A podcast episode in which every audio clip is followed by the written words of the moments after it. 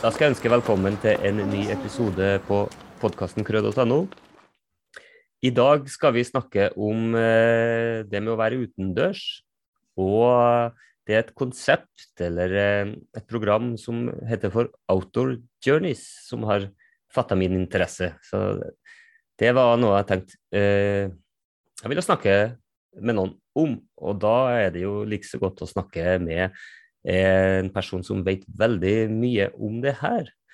Og det er eh, Simon Burns, som jobber ved NIH. Og i dagens episode så skal vi eh, snakke engelsk. Eh, selv om han er drivende dyktig på norsk, så skal vi ta det her på engelsk. Og så først, welcome, Simon. Uh, you're gonna tell me a little bit about yourself, your background, and what you work on now. Yeah, well, thanks so much for having me. Um, yeah, so I'm uh, I'm Canadian um, uh, originally, and um, before I came to Norway two and a half years ago, I was in the UK for almost twenty years, uh, where I spent um, 15 years at the University of Edinburgh working in their outdoor and environmental education programs. And my background is could be sort of uh, put into three areas. One is um, what I would call educational expeditions, long expeditions with young people, um, overseas in particular.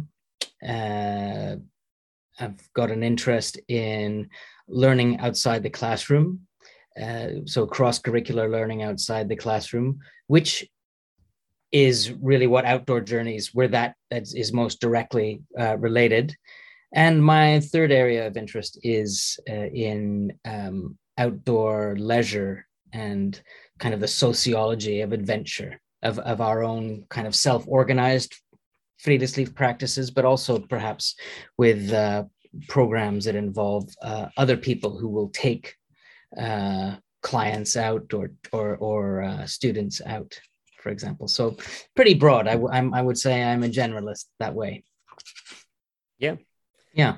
Thanks. Um, before we we start, uh, I I went into the web page that said something about outdoor journeys, so I have a, a general idea on what this is about. And as you say, it's it's about being outdoor and having like changing away from being in the classroom and doing schooling or learning or adventuring outdoors. So could you just like tell us something like brief on the history behind this program, or do you call it a program?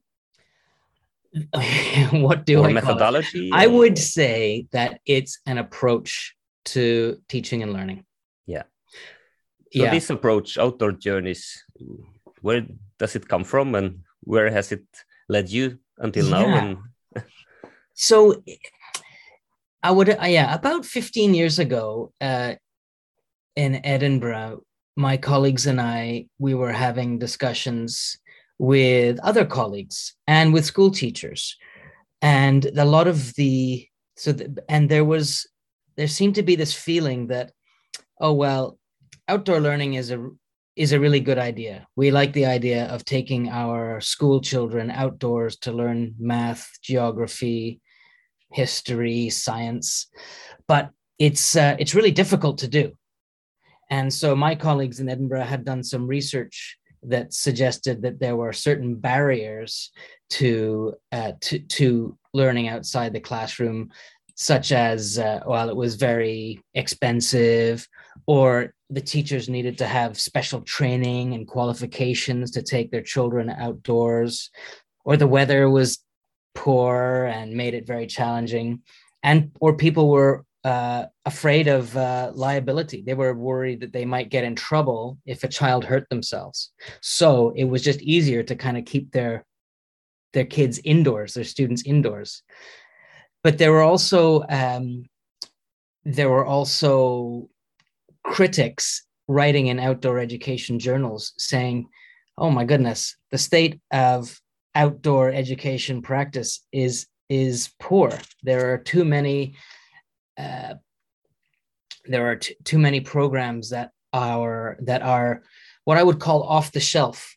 They look they're kind of the same programs uh, that are given to young children, adults, and they're kind of not connected to anything else. It's just, oh, this is a fun outdoor program or for fun outdoor activity, but it might not be co- connected to a greater educational vision or enterprise. So that's one critique. Another critique was that a lot of uh, outdoor education was uh, it ignored place. It didn't. It it just it didn't pay any attention to the history or culture or ecology of a place. It was just an activity that could happen anywhere. Um, and the third critic uh, critique rather was that uh, a lot of programs disempowered young people. And what I mean by that is that that it seems that the sexier and more adrenaline filled an activity becomes, the, the more power is taken away from young people. So even though it looks really cool that we're going rock climbing with a bunch of 10 year olds, the 10 year olds don't have the knowledge and skill to be able to make judgments about how that activity is going to happen and, and to be able to have power over their participation in that activity.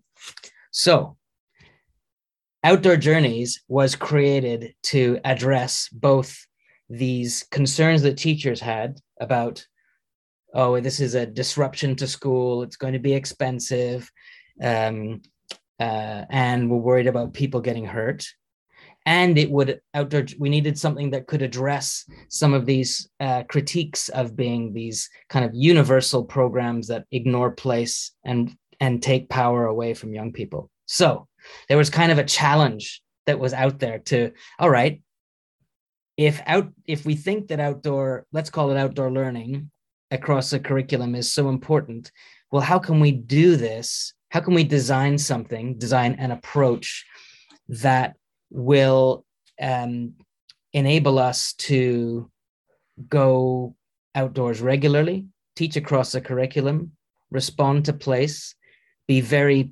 personally relevant to the students lives. Um, how can it be sure that it won't involve uh, teachers uh, feeling like they're being uh, they have to have some kind of qualification or they have to pay lots of money to take a bus to go three hours away. So that's where outdoor journeys came from. That's uh, maybe a, a, long and rambling background but those are that that was the kind of the conditions and the discussions happening at the time. And so it was kind of like a this challenge was i felt there was a challenge out there to say okay well if there are all these problems with outdoor learning then come up with something that works or that's better or that we can use. It's really interesting uh, simon. And as you said this was like 15 years ago. So i guess things have evolved and, and different uh, researchers and different teachers have tried this i guess. And could you give us like an example on on something you have done like a project or with with uh, with with a school or something? Like if the listener want to want to get a, a, even clearer image of oh, how this like part from from what we call friluftsliv eller nærfriluftsliv eller tverrfaglig uteskole like how would you describe like a typical outdoor journey with a with a class? Right. So a typical outdoor journey with a class i would begin i mean i've done this with university students. Uh, the youngest that i think it works well with is uh, what would be about uh, children who are maybe eight or nine years old. Um because ideally they can they can read and write. And uh, and and so this starts with children asking questions about the places in which they live and go to school. And the easiest way that uh, I recommend starting is having initial outdoor journeys in the school grounds. You don't have to go even into the nærmiljø, like right in the school grounds, and have um, students uh, ask questions about that place. So, what is the name of that tree? What was on the ground here before there was a school? Two simple questions that have to do with one has to do with kind of the ecology and geophysical landscape, we could say. And then there's another category that has to do with kind of the, the, the socio-cultural uh, or historical parts uh, of, the, of, of the place. So I generally will get students together in groups of two or three or four. They will go out and write down a whole bunch of questions they find interesting. So this is it moves the the the the the, the focus of the teacher saying, I'm going to tell you what's important to know. To you you tell me what you're really interested in. Uh, and then of course the teacher doesn't need to know that need to have the answer. So outdoor journeys is uh, structured in three phases. So the first is questioning. Students have to write down questions. Uh, they can do this in a notebook they can now we have an app which i'll tell you about a bit later where people can uh, with the app type in their question in any language uh, and take a photograph and say what is the name of this tree? or or what is the uh, and take a picture of the school and say what was here before what was on this land before there was a school? And then uh, the phase two is researching. So this is where it generally will go back to the classroom and students will then do research to try to find the answer to their question so they might use books, old maps are fantastic. And of course, the internet is huge. Uh, uh, but sometimes uh, the internet can be a pretty um, overwhelming place to find an answer. And so a search, being able to search well, um, uh, is uh, becomes uh, is a skill in itself that we, we realize that early on. but also, there's some knowledge that's out there that's not written down. It might be that the person who cleans the school cleans the floors and uh, empties the rubbish bins every morning has been there for 35 years knows all kinds of stuff about that place that is not written down in a book or on the internet. So that's the second phase. We had researching sorry we had questioning then researching and then the third phase is sharing so once students have found the answers to their questions, then they can share them with the rest of the class. Uh, so, you know, they can say, hey, well, we're going to go around in a circle now, and everybody's going to uh, answer the questions that they wrote down. If a, stu- if a group of students went out and wrote down 20 questions, I would ask them to research two of them, for example, just so you didn't have 500 questions to answer. Um, and then we have a sharing session and what we encourage people to do with the sharing session is to make them as exciting and memorable as possible. So, not just saying, well, what kind of tree is this? This is a birch tree. We would encourage people to, students to make up a dance or a rap or a poem, or maybe it could be a PowerPoint. Uh, could be some art. It could be stop motion video to um, share what they've learned. And then, of course, it doesn't have to just be learned shared with the class. It can be shared with the school or the parental community. So imagine if we had a class of 30 students and each had a question that they wanted to be answered. We would go then during our sharing session, we would have 30 pieces of knowledge that were generated by the students and me as the teacher, I didn't have to have any of that knowledge. I just kind of held the pedagogical space where uh, that learning was happening. And what um, I think ha- resonates well with ideas around um, lifelong learning and so on is is there's no recipe book for this. This is how this is how people like you and I um, learn, right? yeah. we, we we're interested in something we do research on it and then well maybe we share it with others or maybe we don't but so this is this is a natural way that humans uh, learn how to uh, learn about the world in which they live in and which hopefully is going to be something that it, that they're very interested in and that is completely contextualized rather than reading something in a textbook um, that may have very little uh, relation to their own day to day life. maybe I'll stop there because I've just been on. That's that's really interesting, and it's just a good good to get like a picture of the of the approach on the faces and stuff, so you can see that. And I guess this is something you could do like just within half a day, or you could do this as a more long term project as well. So uh, it's really interesting, and then, and the interesting thing is also being able to be not just within one subject, but you could draw from different subjects to work uh, what we in Norwegian call tverrfaglig, which is also, I guess, in the new curriculum. Uh, it's really important that we do, as there are three new cross curriculum um, topics that we should cover. So I, I guess outdoor journeys uh, is really easy to implement, and you won't have any trouble uh, like with with the with the schooling system or anything. I think the new curriculum is really well prepared for thinking pedagogical, like like you described. So, what what are your experiences from? What do the teachers say? We could also talk about what how how the the students think about this, but uh, what do we know? What do you know about how teachers who have tried this? Uh, what do they say?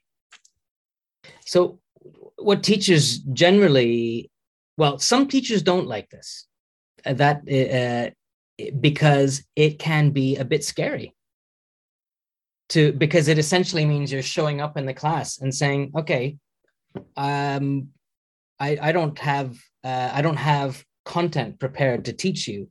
You're as the students are going to drive that.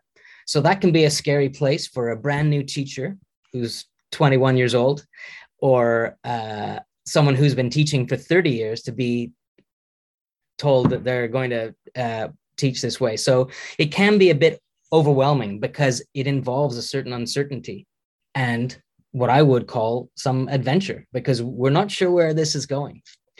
Um, but to me, that's also can lead to uh, students being even more engaged because they're not sure where it's going and they can see that their teacher is not sure either so there's a certain energy that uh, that teachers uh, some teachers like the other thing is that what what's important is that and what what some teachers struggle with is especially in in school systems around the world where there are very rigid curricular kind of guidelines or tick boxes where it's well we have to learn exactly this today. That doesn't uh, align so well with outdoor journeys because the outdoor journeys approach as we've seen is is is uh, is much more open and free. And if the and so if there are very very strict learning outcomes that have to be accomplished in the next half an hour with in a class for example in a math class or in a geography class outdoor journeys probably isn't a good way to go about it. But it certainly uh, can be if there is a bit more time, if there is some openness in terms of uh, the learning outcomes, then teachers do like it. And that is probably why what we've seen is generally the older students get in their the further along in their education they get, the more difficult it is for outdoor journeys to be implemented. So it works great in a in a like a grade five class where where a lot of the teaching is much more uh, as you're saying. something something in my throat there. so uh, and there, where there's one teacher who has the group for an afternoon. So that works really well in upper primary school, upper elementary school that once we get to high school and then and then their exam pressure comes on in the final years of high school where it's about doing well on the exam the outdoor journeys approach we've i've seen clearly it's it's it's not as teachers that are interested in it but uh, they see the limits of it. They think wow i've only got this amount of time with the class. I need to make sure they all get a good grade on this exam. And so this this whole this kind of this open approach uh, doesn't fit with that Yeah i I understand and I, and I completely can relate to what you're saying. Uh, how the both the curriculum, but also the pressure for exams, but also we have this uh, national tests as well. They start quite early on, at least from from lower secondary school, to to apply pressure to to the teachers on on being able to to to teach or, or go through the whole of the curriculum. So, uh, but it's it will be interesting to see if the new curriculum, because that that the tverrfaglig thematic it goes across all all ages, so it shouldn't stop just because they start to have uh, exams. Uh, thinking uh, cross um, cross curricularly or tverrfaglig. Uh, what do we know about the students that's the students that experience this? Uh, can you say something more about that? Well, we we have um, some.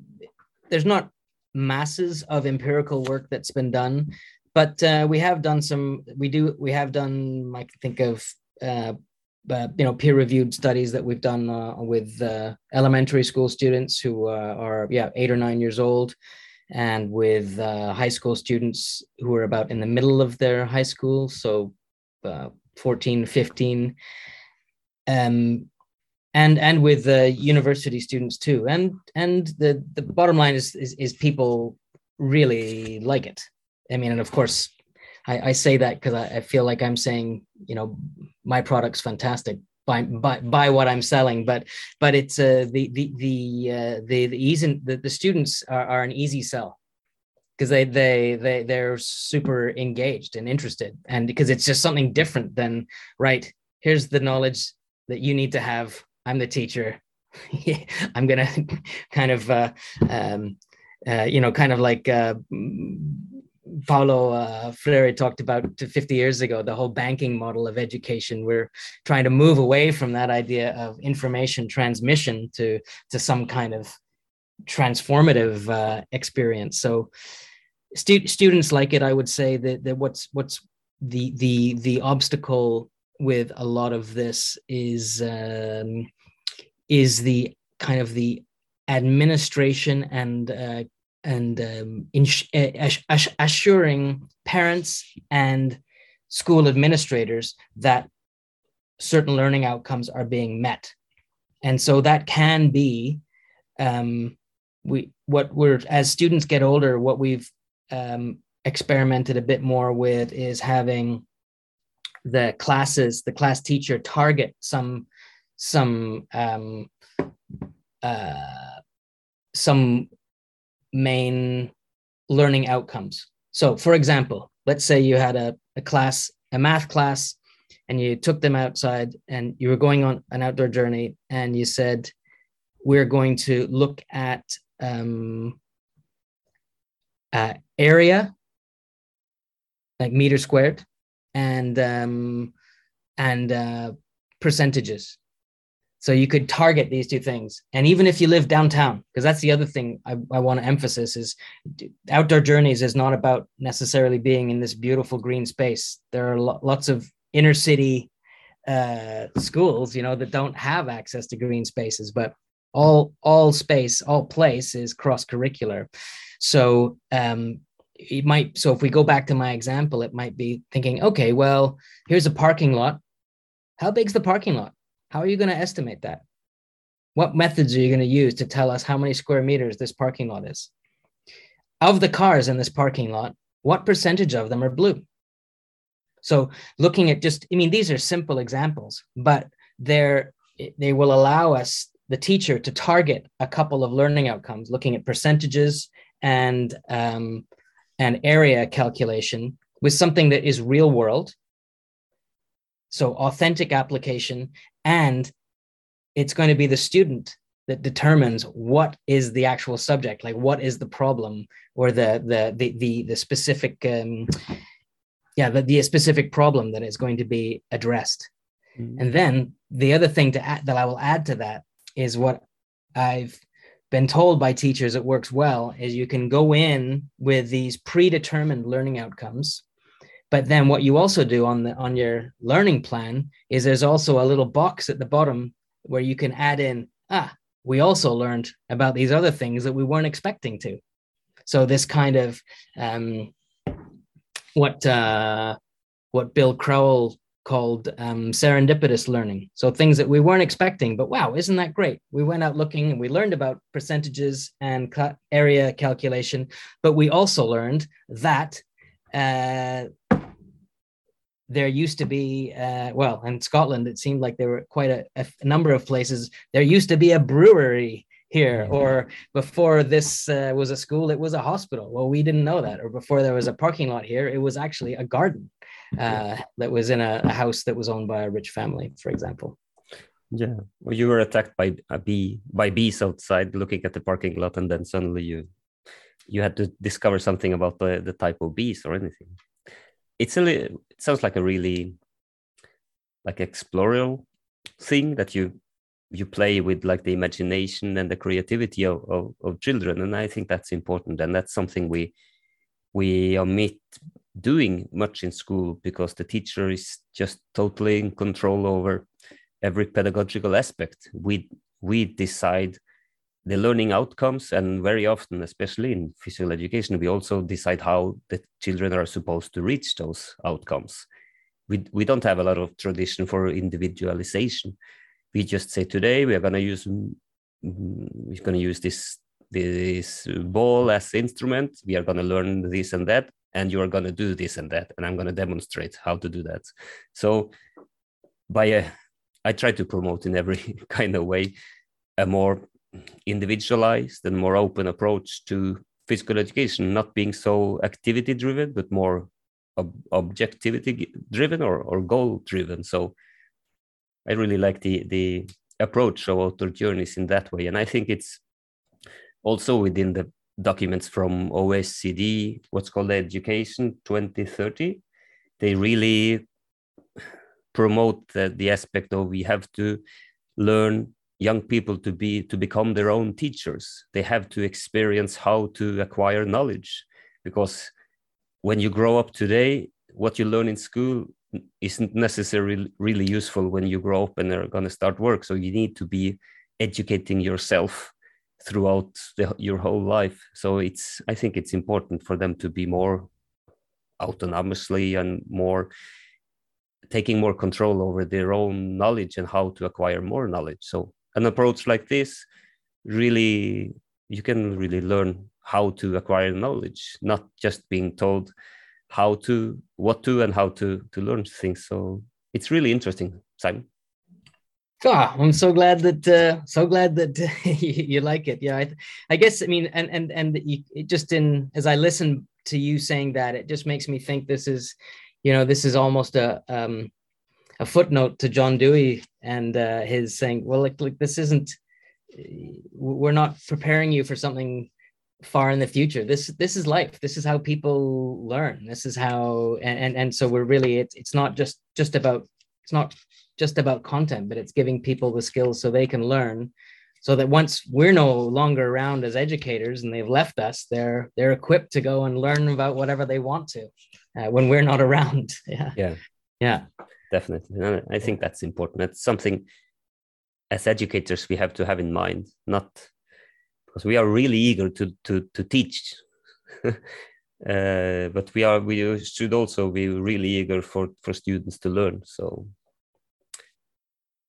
uh, you you talked about an app that comes with this approach now that could be used. Could you tell us something about the application and maybe how how people could access this uh, yeah this this approach? Yeah so uh, th- this is really exciting. This has happened just in the last uh, few months.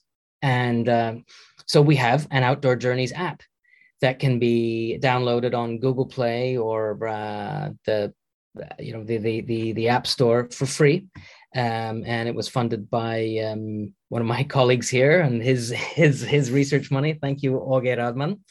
And uh, uh, if and and maybe this is a, a, as good a time as any to direct people to the Outdoor Journeys website, where there uh, the app can be downloaded and and papers that you know research we've done can, uh, can be downloaded, and that's uh, outdoorjourneys.co.uk outdoorjourneys.co.uk so the the app. So there's a couple of things here. One is it is when the so outdoor journeys was developed pre touchscreen and so it so and uh, i mean and i think it works just great. But what we what what is clear is that we've the, the whole world uh, uh, of uh, using mobile devices and and digital technology in learning outside the classroom is just exploding. And so now it's like okay well we have these devices. Most many kids of a certain age will will they'll all they'll each have it and, and it can be used as a powerful learning tool. So so now what what's happened is we've been able to kind of modify this how the questioning researching sharing happens. So i can uh, let me explain that. So where it used to be kids going out with a notebook to write down their questions now people can uh, write down their question with the app. So they they they just type it in their question. And again you could do this in in any language. The app is in english but you can the whole thing works in whatever language you want. Um, so you type in your question and then you can take photographs that are then connected to that question. You can and then you uh, it will uh, mark the position where you are asking that question on a map. And then that goes back to uh, like the, a, a teachers has a, a web a web application that kind of oversees or i guess you could say controls. And, and so you can see all the students. And so they'll send in their question. And then on the, the teacher screen it just goes ding ding ding ding ding. And you've got a whole all these questions that you uh, kind of approve or you can send back to say oh maybe you can get a bit more specific about your question. Um, and then students will do some do their research to find the answer to the question. And then they can share their research uh, share the, their findings again on the app by sending in uh, an answer that they've written. And they can write where this where they found the answer kind of they, they reference their source or they and they can add a photo or two or they can add up to a 30 seconds of video. And then what's really cool is as a teacher you can then have you can in the class you can essentially have a, a show of you know project onto the screen. Here are all the different questions. Here are all the different findings. But so that in itself we thought oh that's great. But then the pandemic came along and what we learned is this it's so completely unexpected uh, um, affordance of this app is that it works really well remotely when the teacher is in a completely different place from all of the students. So everybody can go on their own outdoor journey from their own home if they like. And the teacher is at home as well. And so this can all happen without the classroom. So it's sort of, in a way, it's kind of pandemic proof or caters really well to everybody being in a different place but it's not just about teachers right? You could you could run this as a if you were uh, if you had groups of students who were on their own uh, like uh, expeditions off somewhere and you could say right you're going to send in questions along the way. And then the cool thing of course is once they press send to you you can then show you can see but you can also show everybody else that you want exactly where the students are on a map so I've done this with, you know, from here in Norway, done this with uh, working with the app in Canada or, uh, you know, in Ireland or Germany or, well, Norway, of course. And, and you can just see the map and ding, ding, ding, all show up. And you've got some students that are all over the place. It's fantastic. And you can zoom in and say, oh, right. So you're, you live right by the river that is, or you live right by that, uh, you know the tennis court that i can we can all see on the map so it that that's been a kind of an unexpected um, finding from from the the, the, uh, capability we could say that the the app has. So but we're still kind of figuring out how it works best and uh and uh, so I, i'd love to if people want to give it a shot uh, please all people need to do is go to the website and then i will just need to set people up uh, any teachers or educators who are interested in this. I just need to set you up with a um, a teacher account. So you just have to send me an email, and then I can do that. No, so I think that's can, that's the app. We could clearly promote this and and and and just say that this is something um, teacher could try.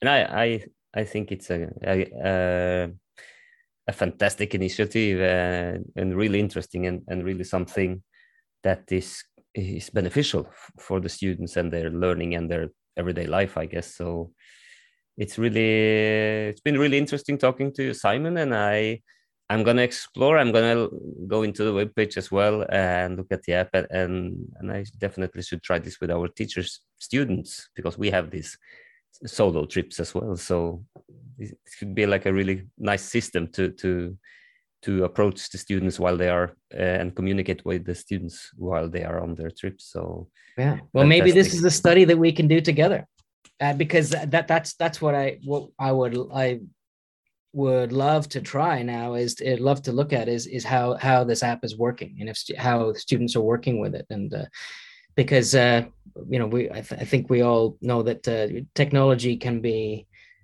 can be wonderful but if this is taking away from students connection to each other and to the land and place then maybe it's not a good idea. So i'd be interested to see how uh, uh, to do some research on how how students uh, what they think uh, and what teachers think about the, the app being used outdoors yeah in particular.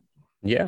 So everybody listens to this episode today just try the outdoor app and try it with your with your students uh, no matter what age and get in touch with simon yeah. at the idrettshøyskolen in oslo and he could include you in a in a study or something. So that's that would be really interesting Yep. So thank you. It's been really interesting to talk to you, Simon, about these outdoor journeys. So again, thank you for being on my podcast.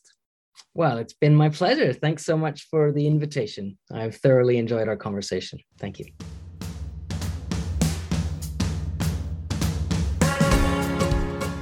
Du har nå hørt en podkast fra krøe.no. Følg oss gjerne på Facebook, og ta gjerne en titt på nettsida vår òg, krøe.no. Podkastene her finner du i din vanlige podkastkanal, og om du vil anbefale oss til en venn, så setter vi veldig stor pris på det.